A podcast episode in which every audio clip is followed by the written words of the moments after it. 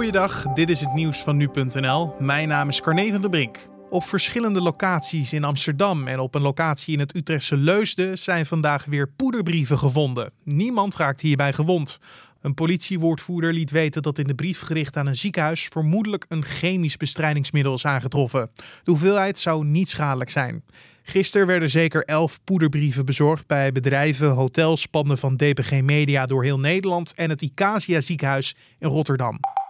De Boeing 737 MAX mag van de Amerikaanse luchtvaartautoriteit FAA binnenkort de lucht weer in. Wel moet Boeing eerst nog diverse aanpassingen aan het toestel doen. Naar verwachting geeft ook de Europese toezichthouder op korte termijn officieel groen licht.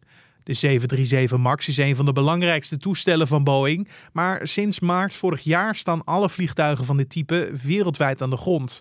Dit nadat twee toestellen in 2018 en 2019 neerstortten. Daarbij kwamen toen 346 mensen om het leven. Het Openbaar Ministerie gaat Forum voor Democratie-leider Thierry Baudet niet vervolgen voor een tweet die hij dit jaar plaatste over vriendinnen die zouden zijn lastiggevallen door vier Marokkanen in een trein.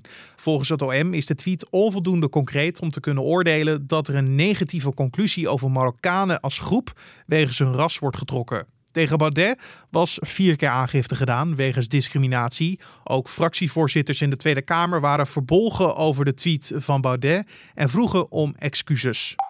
Pfizer wil dat het coronavaccin dat de farmaceut ontwikkelt via een noodtraject wordt goedgekeurd in de Verenigde Staten.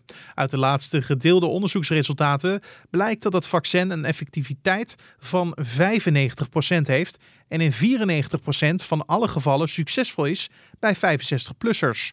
Ook onder alle andere leeftijdsgroepen zou een hoge mate van effectiviteit zijn behaald. Dat benadrukt de farmaceut. Het bedrijf verwacht dit jaar nog zeker 50 miljoen vaccins te kunnen produceren. En tot zover de nieuwsupdate van nu.nl.